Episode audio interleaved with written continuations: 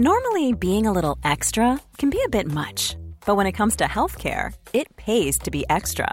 And United Healthcare makes it easy with Health Protector Guard fixed indemnity insurance plans. Underwritten by Golden Rule Insurance Company, they supplement your primary plan, helping you manage out of pocket costs without the usual requirements and restrictions like deductibles and enrollment periods. So when it comes to covering your medical bills, you can feel good about being a little extra. Visit uh1.com to find the Health Protector Guard plan for you. Hiring for your small business? If you're not looking for professionals on LinkedIn, you're looking in the wrong place. That's like looking for your car keys in a fish tank. LinkedIn helps you hire professionals you can't find anywhere else, even those who aren't actively searching for a new job but might be open to the perfect role. In a given month, over 70% of LinkedIn users don't even visit other leading job sites. So start looking in the right place. With LinkedIn, you can hire professionals like a professional. Post your free job on linkedin.com slash people today. Hi, I'm Daniel, founder of Pretty Litter. Did you know cats tend to hide symptoms of sickness and pain? I learned this the hard way after losing my cat, Gingy. So I created Pretty Litter, a health monitoring litter that helps detect early signs of illness by changing colors, saving you money and potentially your cat's life. Pretty Litter is veterinarian developed, and it's the easiest way to keep tabs on your fur baby's health right at home. Go to prettylitter.com and use code ACAST for 20% off your first order and a free cat toy. Terms and conditions apply. See site for details.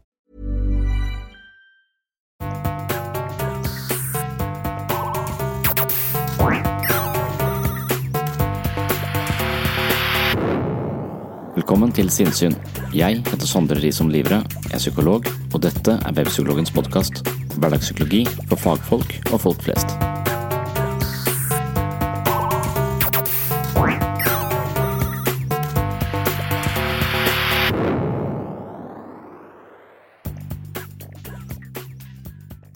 Dagens episode er inspirert av boken til Brené Brown som heter Daring Greatly. Det skal handle om sårbarhet og mot. Om det er en forelder som kjefter på deg for en tabbe, eller en sjef som korrigerer deg på jobb, eller noen som ler av deg på feil tidspunkt, så kjenner vi ofte på følelsen av skam. Skam synes å være en iboende del av det å være menneske, og det er virkelig en følelse som hindrer mange menneskers livskvalitet, ambisjoner og talenter på en dramatisk måte. Skam kan være veldig skadelig, og det er en følelse som gjør at vi ikke klarer å fyllbyrde vårt egentlige potensial. I dagens episode baserer jeg meg altså på boka til Brené Brown som heter Daring Greatly. Denne boka tar oss inn i skammens psykologi, og den viser oss veien ut av skam. Ifølge Brown er åpenhet rundt egen sårbarhet det beste remediet vi har i møte med skam. Det betyr at skammen kan utkonkurreres idet vi er villig til å åpne opp om egen sårbarhet og innrømme feil. Hvis du i tillegg klarer å fungere som en eh, slags eksponent for sårbarhet, kan du være med å bygge en sårbarhetskultur både på skolen, jobb og på hjemmebane. Og hvis du klarer det, fungerer du som en eksorsist på den destruktive følelsen av verdiløshet og skam som hjemsøker de fleste av oss i tide og utide. Skam er en følelse som trigges av eh, våre opplevelser og forestillinger rundt hva andre tenker om oss. For å forstå skammen må vi forstå hvor viktig følelsen av tilhørighet, fellesskap og kjærlighet er for oss mennesker. Som sosiale dyr er vi disponert for samvær med andre. I steinalderen gikk man til angrep på inntrengere for å beskytte flokken. Denne drivkraften mot det sosiale og tilhørighet er så sterk at avvisning og utvisning medfører en sterk psykisk smerte. Til og med frykten for denne avvisningen er smertefull for mange, og nevropsykologien har gang på gang funnet ut at kjemien i hodet reagerer med en cocktail av kjemikalier og reaksjonsmønstre som nettopp aktiverer smerte, fortvilelse og frykt i situasjoner hvor posisjonen eller inkludering i det sosiale fellesskapet oppleves som trua. Det er i dette landskapet at skammen slår rot. Skam er rett og slett følelsen av at vi ikke er verdt å elske og ikke fortjener en plass i flokken, altså nettopp de elementene vi trenger for å overleve psykologisk sett. Forholdet mellom skam og verdiløshet er lett å se hos en person som har laget noe kreativt. Idet personen viser produktet til en annen, er det i en sårbar posisjon fordi den andres vurderinger tillegges stor betydning. I en slik situasjon frykter vi kritikk og avvisning. På grunn av skammen vil mange unngå å vise seg frem eller delta aktivt, enten det dreier seg om en prestasjon på jobb, uttrykke følelser eller prøve noe nytt. Men dersom vi forstår at vi bebor en slags ubetinga verdi som menneske, og at denne verdien ikke nødvendigvis er knytta opp til eh, ytre faktorer, prestasjoner eller eiendeler osv., er det lettere å være modig og uttrykke seg mer åpent, proaktivt og vågalt i møte med livet. Skam fungerer som en bremsekloss på våre ambisjoner og livslyst.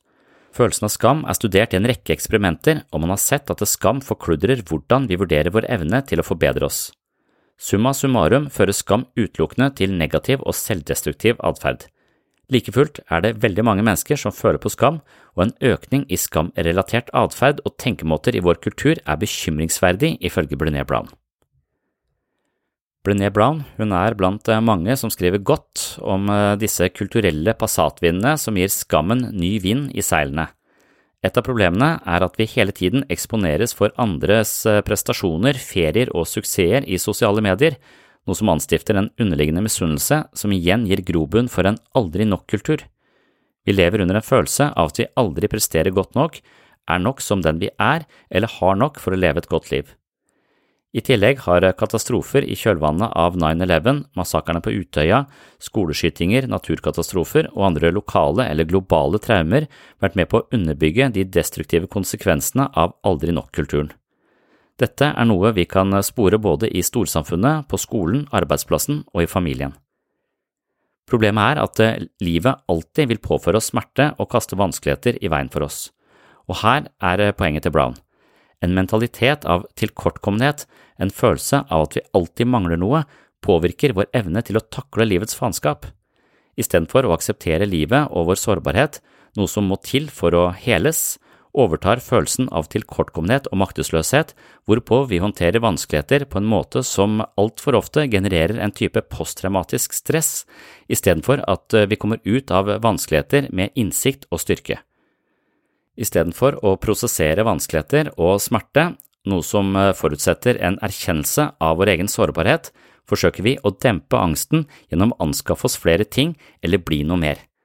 Ved roten av denne mestringsstrategien ligger en forferdelig misforståelse. Vi tror at vi kan bli usårlige ved å anskaffe oss flere ting eller utvikle oss mer og mer. Vi tror at gods og gull og evinnelig selvutvikling skal beskytte oss mot livets faenskap, men det gjør bare at vi ikke håndterer problemer, men febrilsk løper videre i et eh, selvutviklingens marsvinhjul og går glipp av alt vi kan lære om oss selv og livet i oppoverbakke. Denne aldri nok-mentaliteten kickstarter en syklus av sammenligning sammenligning, tilkortkommenhet, skam og avkobling. Vi sammenligner oss med millionærer eller kjendiser presentert i ulike medier, dette gir en følelse av å ikke nå opp til den skyhøye standarden, noe som igjen fører til en skam og følelse av verdiløshet, som igjen gir næring til følelsen av at vi ikke fortjener andres samvær, kjærlighet og anerkjennelse. Dette mønsteret fører til oppgitthet. Vi kobler oss av fordi det uansett aldri blir godt nok, og dermed slutter vi å utvikle oss. Vi rammes av en type apati som drukner alle våre lyster, ambisjoner og all lekenhet i livet. Heldigvis finnes det en vei ut av denne dystre syklusen, og veien går via sårbarhet. Hvis du spør mennesker om sårbarhet, vil de færreste beskrive det som noe positivt. Vi er oppdratt i en verden hvor sårbarhet assosieres med nederlag og skuffelser, mens suksess og styrke har blitt viktigere enn forholdet til egne følelser. Men eh, dersom man virkelig analyserer sårbarhetens vesen, havner man raskt på en annen konklusjon. Først og fremst er ikke sårbarhet verken bra eller dårlig, men det handler om vår evne til å merke etter på egne følelser. Og mens vi kanskje assosierer sårbarhet til negative følelser som angst, anger og sorg, forklarer Brené Brown at sårbarhet også relaterer seg til positive følelser som glede, kjærlighet, empati osv. Brown mener at sårbarhet handler om usikkerhet, risiko og åpenhet rundt egne følelser. Kanskje har man forelsket seg i noen, og idet man uttrykker dette, har man blottlagt sine varme følelser, men man vet aldri om følelsene er gjensidige. Dermed har man utsatt seg selv for en viss risiko ved å vedkjenne og uttrykke sin kjærlighet fordi man kan bli avvist. Akkurat som alle andre følelser er kjærlighet forbundet med sårbarhet. Brené Brown påpeker at evnen til å være sårbar er et tegn på styrke og ikke en svakhet. Dersom vi uttrykker oss, følelsene våre og viser hvem vi er, gjør vi oss sårbare. Det betyr samtidig at vi er modige. Det er tross alt mye enklere å unngå avvisning og nederlag ved å holde følelsene våre skjult enn å ta risikoen forbundet med åpenhet. Hvis vi ønsker å leve autentisk, med integritet og berikelse, må vi omfavne vår egen sårbarhet. Vi må forstå at også positive følelser, og følelser som kobler oss på andre mennesker, er forankret i sårbarhet. Dersom vi kan akseptere dette, kan vi bruke denne innsikten til å styrke oss selv både privat, på skole eller på jobb. Akkurat som vi setter pris på andres åpenhet og ærlighet, setter andre pris på det samme fra oss. Hvis du er åpen og ærlig om dine følelser, vil de fleste oppleve dette som ekte og ta det imot på en god måte. Noe av det nærmeste vi kommer andre mennesker, er nettopp når vi våger autentisitet og opplever andres empati tilbake. Autentisitet i arbeidslivet handler om mot til å vise frem våre nye ideer, produkter eller prosjekter til andre, og dermed utsette oss selv for potensiell kritikk. Denne kritikken kan være viktig for å utvikle seg. Dersom du kun gjør det du er god til, aldri prøver noe nytt, unngår du kritikk, men prisen du betaler er stillstand og mulighetene for nye opplevelser. Å feile betyr at vi lærer noe nytt, med mindre vi opplever det så skjebnesvangert at vi reagerer med full alarmberedskap med påfølgende PTSD-symptomer. Studier har vist at eh, de som ikke anerkjenner sin egen sårbarhet, eller eh, forfekter at de ikke er sårbare, som regel er de mest sårbare. Det samme ser man i studier av mennesker som påstår at de ikke lar seg påvirke av reklame. De som ikke innrømmer eller opplever at de lar seg påvirke, er de som i størst grad blir påvirket av eksempelvis reklamekampanjer osv. Den tilsvarende tendensen finner man ved sårbarhet. De som innrømmer og omfavner sin sårbarhet, er emosjonelt modigere, mer åpne, har bedre selvinnsikt og kan bruke sin sårbarhet som et verktøy i møte med andre mennesker og livet for øvrig. Sårbarhet er ikke noe vi skal bekjempe, men noe vi skal akseptere som en sentral del av følelseslivet, eller kanskje en slags forutsetning for håndtering av eget følelsesliv. Skam er derimot en følelse som står i spissen i kampanjen for å undertrykke eller fornekte vår sårbarhet. Dermed må vi få kontroll og kustus på skammen for å få tilgang til vår sårbarhet som et eh, psykologisk verktøy. Siden skam per definisjon er frykten for selveksponering, er det ikke en følelse vi pleier å snakke om. Skam er en følelse som dukker opp når vi ønsker oss et eh, hull i bakken for å komme oss unna det kritiske blikket, den dømmende holdningen eller latteren som ikke ler med, men av. Hvordan takler vi egentlig skammen? Rådet er enkelt og velkjent. Hvis vi snakker om skammen, gjør den synlig og kler den i ord, vil den eh, minske i styrke og negativ kraft. Å snakke om egen skam fungerer rett og slett som en vaksine. Det er fordi skam øker sin destruktive kraft når den ties i hjel. Desto mindre vi snakker om den, desto mer makt har den over oss. Problemet er at eh, det faller oss eh, naturlig å holde skammen for oss selv. De fleste av oss trenger ikke engang andre mennesker for å føle skam, da vi har eh, god trening i å være vår egen kritiker og kan når som helst fremkalle skammen fra et lager i vårt psykiske liv men dersom vi evner å etablere nok omsorg for oss selv, kan vi klare å holde ut eh, skamfulle opplevelser uten å føle oss knust, og vi kan til og med komme ut på andre siden som et eh, mer erfarent og modigere menneske. Med andre ord gjør vi oss selv immune mot den destruktive skammen.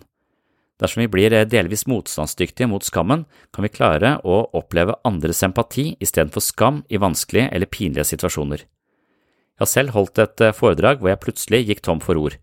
Jeg gikk tom for ideer, og jeg hadde ingen tanker i hodet, og da ble jeg stående på scenen uten å si noe. I denne situasjonen opplevde jeg at skammen spiste meg levende, men dersom jeg på det tidspunktet hadde våget min egen sårbarhet i større grad, kan det tenkes at jeg hadde opplevd mer av publikums omsorg og medfølelse, for de godta seg ikke over at jeg ikke fikk frem et eneste ord, snarere tvert imot. De følte med meg og visste hvor vanskelig det er å stå på en scene. Det kan også tenkes at jeg aldri hadde gått i blackout-modus hvis jeg i større grad var i kontakt med min egen sårbarhet og hadde litt større aksept for meg selv. Hvis vi åpner oss opp om vår egen skam, vil man raskt oppleve at skammen svinner hen og at andre har både forståelse og empati med oss. Dette er virkelig et mektig våpen i kampen mot skam. Det er naturlig at vi ønsker å utvikle oss, det handler ikke bare om en eh, innebygd konkurransenerve, men også om behovet for å beskytte oss, eller være best mulig forberedt og kompetent i vanskelige situasjoner. Hvis vi var rikere, hadde mer suksess, var mer populære, hadde vi hatt det bedre og vært immune mot eh, smerte og skuffelse. Det er en setning mange forteller seg selv, og det er en løgn mange av oss på. I virkeligheten kan ikke sårbarhet overkommes, bare gjemmes. Mange mennesker er så ukomfortable med egen sårbarhet at de forsøker å maskere den både for omverdenen og for seg selv. Hvordan gjemmer man sin egen sårbarhet?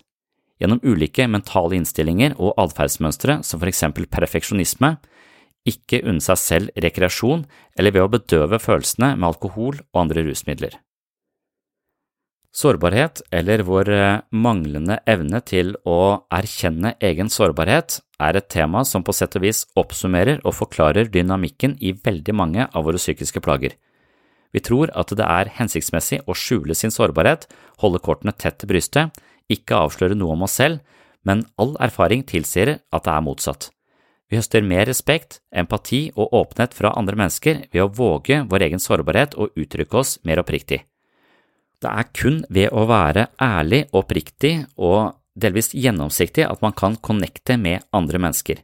Hvis man hele tiden forsøker å skjule seg selv bak en eller annen uh, tenkt fasade som man tror andre vil like, eller som man tenker er mer sosialt akseptabelt enn det man egentlig føler, så bygger man en vegg mellom seg og andre mennesker.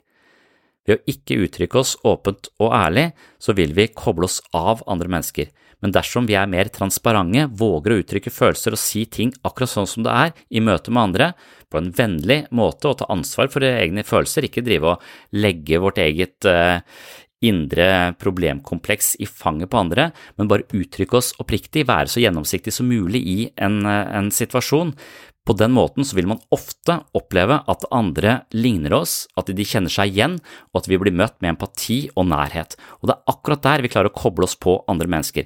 Hvis andre mennesker åpner seg for oss på denne måten, kan vi koble oss på, og hvis vi gjør det overfor andre, så kan de koble seg på oss. Med en gang vi driver og spiller et eller annet sosialt spill om å være litt bedre enn det vi egentlig føler oss, så bygger vi denne veggen mellom oss og andre mennesker, og da blir vi ensomme blant mennesker.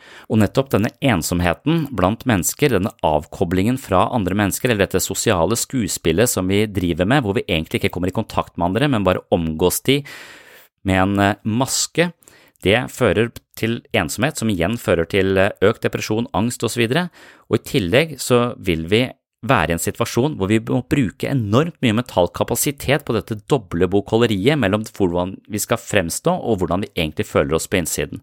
Så veldig mye psykisk helse går på å skape en tettere forbindelse mellom hvordan vi føler oss, hvem vi egentlig tenker at vi er, og hvordan vi fremstår. Hvis vi klarer å putte disse to elementene av selv, denne sosiale fasaden og dette egentlige selvet, litt tettere på hverandre, så slipper vi å bruke så innmari mye mental energi på å omgås andre mennesker, og da kan vi trives i andre menneskers nærvær, vi kan være åpne og oppriktige, og på den måten så skaper vi også nære forbindelser til andre mennesker. Og dette krever at vi tåler vår egen sårbarhet. Dette handler kun om sårbarhet. Hvis vi våger å være sårbare, så kan vi også våge å uttrykke følelsene våre, og det er nettopp der vi altså får denne tilhørigheten i et fellesskap og kontakten med et annet eh, menneske. Og selv om de fleste skjønner dette, og de fleste vet dette, så driver veldig mange av oss med masse rare sosiale spill og uh, varianter av oss selv for å prøve å være noe vi dypest sett ikke helt kan stå inne for, men vi tror at det er mer sosialt attraktivt eller et eller annet. Så vi, vi, vi vet at det å være mer oppriktig og ærlig, det gir oss respekt, integritet og nærhet til andre mennesker. Likevel så driver vi med dette sosiale spillet for å prøve å skjule oss selv i veldig mange situasjoner.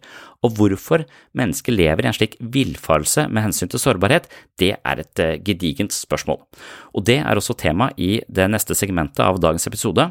Du skal få være med til en refleksjonsrunde med sårbarhetens psykologi som omdreiningspunkt. Men før det skal vi bare høre med sjefen sjøl, altså Brené Brown, kort om hva hun tenker om sårbarhet og hvor viktig sårbarheten er for å connecte med andre og leve et eh, sunt og rikt liv.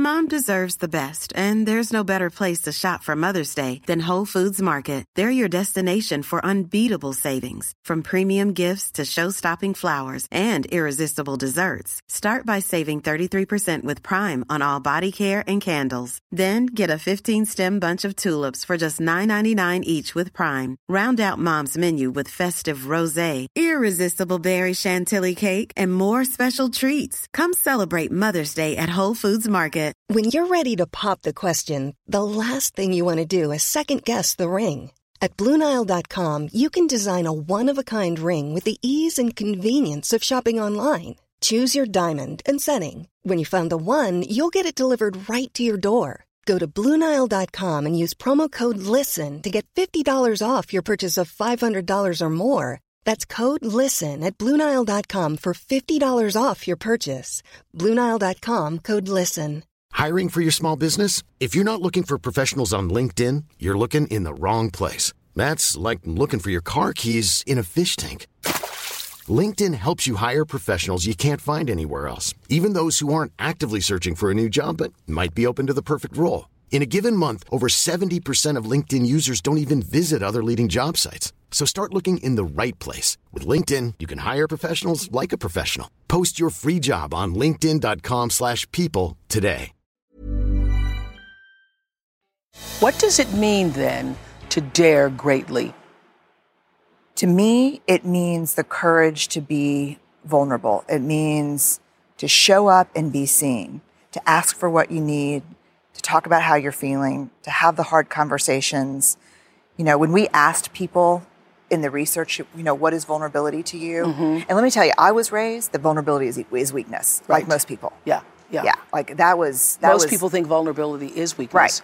And you know what? After reading uh, Darren Greatly, what I realized, and, and, and The Gifts of Imperfection, what I realized, first of all, is I live in the space of vulnerability. And that is what has made me so successful, is my vulnerability with the audience. For And. I think that vulnerability is sort of the cornerstone of confidence. I think it's the cornerstone because I believe that. I, because unless you can uh, allow yourself to take the risk, to be open, to live as a wholehearted person, when you can do that, you recognize that you're really just like everybody else. And that gives you the confidence to be yourself, which is all you really need in life, is to be That's more it. of yourself. And I do believe, you know, coming from vulnerability is weakness, when we ask people, what is vulnerability? And they said things to us like, the first date after my divorce, mm. trying to get pregnant after my third miscarriage, sitting with my wife who has stage four breast cancer, making plans for our young children. You know, the biggest examples that came up from the research was picking up the phone and making a call to someone who's just had a great loss. Oh, yes. You know, and I thought about that in my own life. Like, you know, there's the phone. I walk up to it and I'm like, what am I going to say? What am I going to say? That's what everybody fears. That's What going to make it say? better. Yeah. There's yeah, yeah. nothing I can say except I'm here. I'm hurting with you. You're not alone. But you know what? I'll call in an hour. Mm-hmm. And then I come back an hour. I'm like, oh man, it's dinner time. I'm gonna make a casserole. I'm gonna make an expensive casserole. We've all done that. Right. Yeah. And then what happens when an hour turns into a day, turns into a week, yeah. and then it's a month later, and you run into that friend at the grocery store? Well, you know what? And you what didn't call. Just to show up. That's all people want. It's That's just To, if, is for you to show up and say, "I don't know what to say, but I'm here." I can't fix this, Yeah. but I'll walk through the pain with you. Yeah, yeah, yeah. Absolutely. You know, but then what is the feeling that we get when we make the call and we hang up? To me, that feeling is when I'm aligned with my values. And courage is my value. Absolutely. And you can't get to courage without walking through vulnerability. Period. Så jeg syns Brené Brown skriver bra om det, jeg syns hun skriver interessant om det. Og så er et av hovedpoengene hennes er at hun mener vi lever i en kultur som fostrer skam. Og det er et interessant poeng som, som jeg ikke helt har forstått, men som jeg ved å snakke om det nå kanskje kommer til å forstå henad veien. Men jeg vet ikke om jeg helt forstår det. Men, men poenget hennes er litt det samme som vi har snakket om her ganske mange ganger. At, det, at vi lever i en kultur hvor vi hele tiden forsøker å Altså, vi sammenligner oss med andre, og vi ser hva vi trenger for å få det bedre. Så vi er hele tiden i en, en mer eller mindre sånn konkurrerende virksomhet med omgivelsene våre, og hele tiden så blir vi eh, vitne til andres eh, suksesser, og da kan vi sammenligne oss eh, med, med de, så vi har den sosiale medie, medieverden. Samtidig som vi har et veldig fokus på sikkerhet, altså at vi, at vi bruker mye energi på å unngå å feile.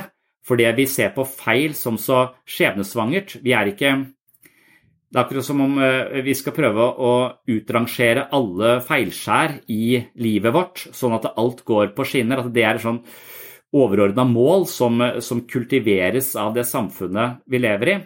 Så istedenfor å lære oss å håndtere feil, så skal vi lære oss å unngå de. Så vi bruker så ekstremt mye energi på å unngå feil at vi blir nærmest inkompetente til å løse feilene når de faktisk oppstår.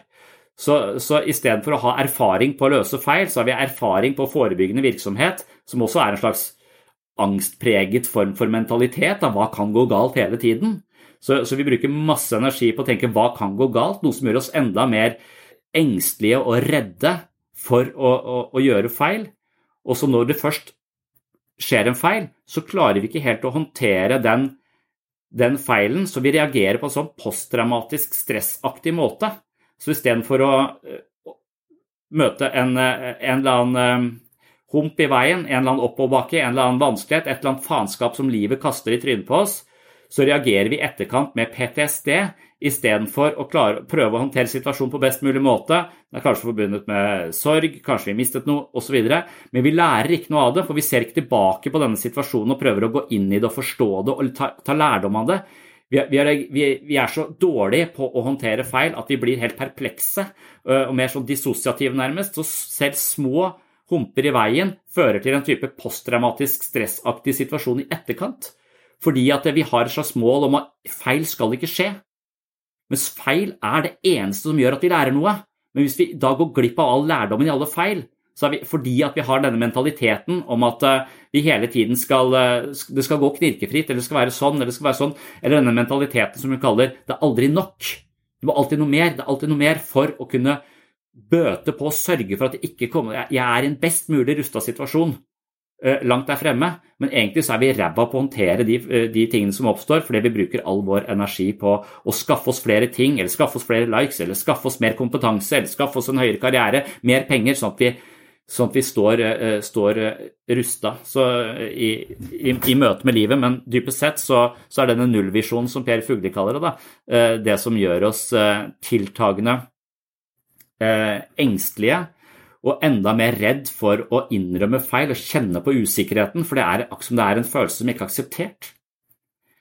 Så hvis vi kan klare å, å installere sårbarhet i familien vår, på jobben vår, på skolen vi går på, blant vennene våre. Altså Hvis vi klarer å gi uttrykk for vår egen sårbarhet og usikkerhet på en, på en åpen måte, altså det grunnlaget for å uttrykke følelser Bare ha med seg sin egen sårbarhet rundt og smitte miljøet rundt seg, så vil du kunne forbedre eh, forholdet mellom kollegaene med 50% og forholdet i familien med 90% Altså, Hvis vi våger vår egen sårbarhet og være gjennomsiktig, så vil det være en gave til folk som er, eh, som er rundt oss. Men med en gang vi begynner å tenke at 'jeg er ikke bra nok, jeg kan ikke vise meg sånn, jeg må være sånn', jeg må være sånn. Hvis, du aldri aksepterer deg selv, og dette er tilbake til det vi snakket om selv, da, selvaksept Hvis du ikke har en aksept for at du er et menneske som kan begå feil, Eh, at du, at du, har en eller annen idé om at man bør være eller burde være i andres øyne sånn og sånn, og spiller det spillet der sånn, så lager du en vegg mellom deg og kollegaene dine og alle andre som, som, som skaper ensomhet blant mennesker, usikkerhet og avstand til folk. Ja, skam er absolutt en følelse som vi sannsynligvis prøver å unngå å få vekk. Og det er nettopp det at skammen trives jo i stillheten den, den, den får grep om deg hver gang du ikke anerkjenner den eller prøver å vri deg unna den. Det er akkurat som uh, i mareritt, så, så vil, uh, vil, du prøve å komme deg unna, men i mareritt vil bare gjenta seg og gjenta seg. Eller, eller, dette med spøkelser og troll osv. Så, videre. så lenge du bare flykter ifra det, så vil det alltid være i hælene på deg. Og Sånn er det vel med skammen også. Altså, hvis, vi, hvis, vi, heller klarer å, å omfavne og uttrykke den og si noe om den, så vil den Det er det som er uh, det å være Det er det som er å gi trollet et navn, da, sånn at det, det eksploderer. Eller, så vi er nødt til å, å, å, møte det. Og det å anerkjenne da sin egen uh, sårbarhet og sine egne negative følelser istedenfor å prøve å, prøve å fjerne seg uh, fra de, altså selvutvikling forstått som å prøve å ha minst mulig negative følelser, er jo bare definisjonen på å leve et halsbrekkende, engstelig, anstrengt liv. Mens det å omfavne det er eh, på sett og vis det motsatte.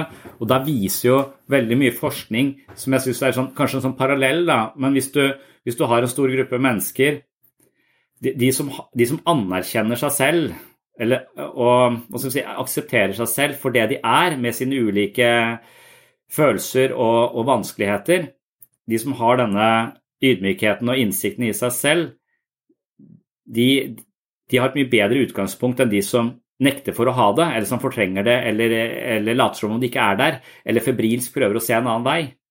De er et helere menneske, og de, er et, eh, de tåler smerte på en annen måte. Og smerte er ikke noe som vi skal unngå i livet, smerte er en del av livet. Og, og de studiene som er gjort som er litt sånn parallelle, syns jeg, det er de studiene som gjøres på hvorvidt folk blir påvirket av reklame.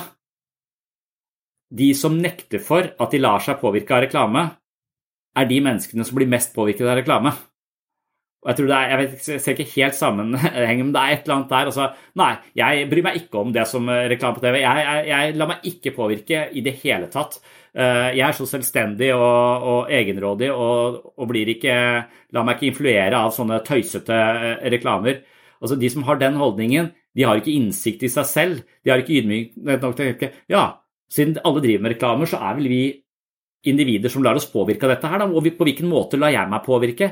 Undersøke sin egen tilbøyelighet til å bli eh, ja, å gå i de fellene der sånn, det, det er eh, en, et, et, helt menneske. Et menneske som, eh, som beveger seg og tør sine egne svakheter eller sårbarheter. Og de vil også i mindre grad gå i de største reklamefellene, da. Fordi at de nettopp har den ydmykheten og nysgjerrigheten og åpenheten for sin egen tilbøyelighet til å bli hjernevaska. Mens de som nekter for det, de blir det i mye større grad. Så, så, jeg tror det er helt parallelt med når det gjelder sårbarhet også. De som nekter for sin egen sårbarhet og later som de er sånn og sånn og sånn, og sånn, de, de, får, de får alle de bivirkningene det er ved å ikke leve i takt med seg selv.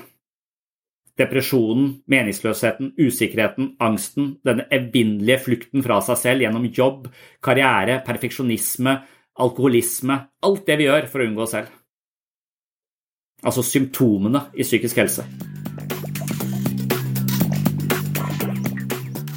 Takk for at du hører på Sinnsyn. Det siste segmentet, altså den frie fabuleringen i denne episoden, var kun et kort utdrag fra en lengre refleksjonsrunde omkring skam og sårbarhet. For å leve et liv uten å kveles under tyngden av skam og usikkerhet, må vi tilstrebe en ubetinget anerkjennelse og aksept av oss selv. Vi må hvile på vår iboende verdi som menneske i møte med venner, familie og kollegaer. Hvis vi klarer det, betyr det at vi våger å være sårbare fordi vår egenverdi ikke baserer seg på hvorvidt vi gjør en feil eller blir avvist. Selv om vi går på en smell, blir glemt eller driter oss ut, tåler vi slike situasjoner fordi livets oppturer og nedturer ikke er direkte kobla til vår selvfølelse. Ved å omfavne vår egen sårbarhet, våge å være til stede, engasjere oss, prøve å feile, si vår mening og uttrykke våre følelser, kan vi etablere et dypere og mer solid forhold til andre mennesker. Dersom vi våger å være mer oppriktige og åpne i møte med andre, vil det få positive konsekvenser for folkene vi omgir oss med. Det gjelder på jobb, og det gjelder hjemme. Men hvorfor er det slik? Vil du høre mer om dette, kan du altså gå til episode 55 på Patron. Episoden heter rett og slett Sårbarhet er modig, og den inneholder hele foredraget du kun fikk en smakebit av her. I tillegg finner du over 100 andre poster fra denne podkasten inne på Patron. Her er det over 50 ekstra episoder av sinnssyn, her er det mentale øvelser som skal hjelpe deg å sette innsikten du eventuelt får her på podkasten ut i hverdagslivet eller inn i ditt liv. Du finner også mye videomateriale, og jeg leser bøkene mine kapittel for kapittel, slik at Patron til slutt huser lydbokversjonen av mine tre bøker. Så langt har jeg lest inn selvfølelsens psykologi og er eh, godt i gang, nesten ferdig kanskje på dette tidspunktet, med jeg, meg selv og selvbildet.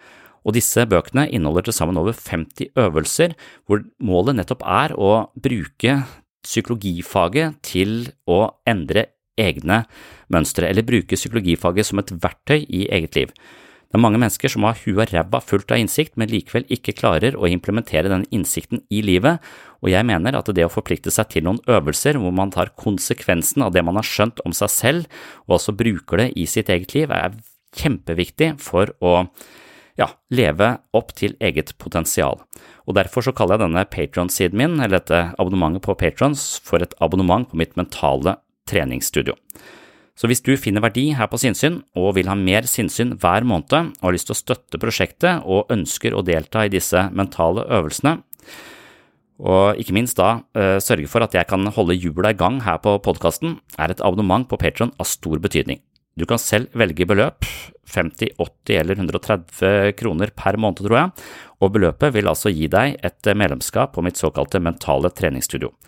Jeg vil også benytte anledningen til å takke alle dere som allerede er Patron-supportere. Det er lyttere som dere som sørger for at lyset er på her inne på sinnssyn uke etter uke, måned etter måned og år etter år, og det er, eh, som nevnt mange ganger, ganske kostnadskrevende og tidkrevende å drive denne podkasten, men jeg elsker å høre det, og det kan jeg nå prioritere hver eneste uke fordi jeg får støtte fra Patron-supportere, så tusen hjertelig takk for det.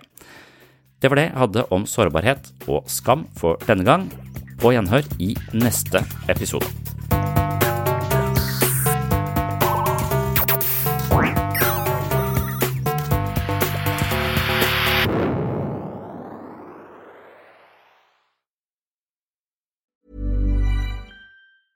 Mom deserves the best, and there's no better place to shop for Mother's Day than Whole Foods Market. They're your destination for unbeatable savings, from premium gifts to show-stopping flowers and irresistible desserts. Start by saving 33% with Prime on all body care and candles. Then get a 15-stem bunch of tulips for just $9.99 each with Prime. Round out Mom's menu with festive rosé, irresistible berry chantilly cake, and more special treats. Come celebrate Mother's Day at Whole Foods Market.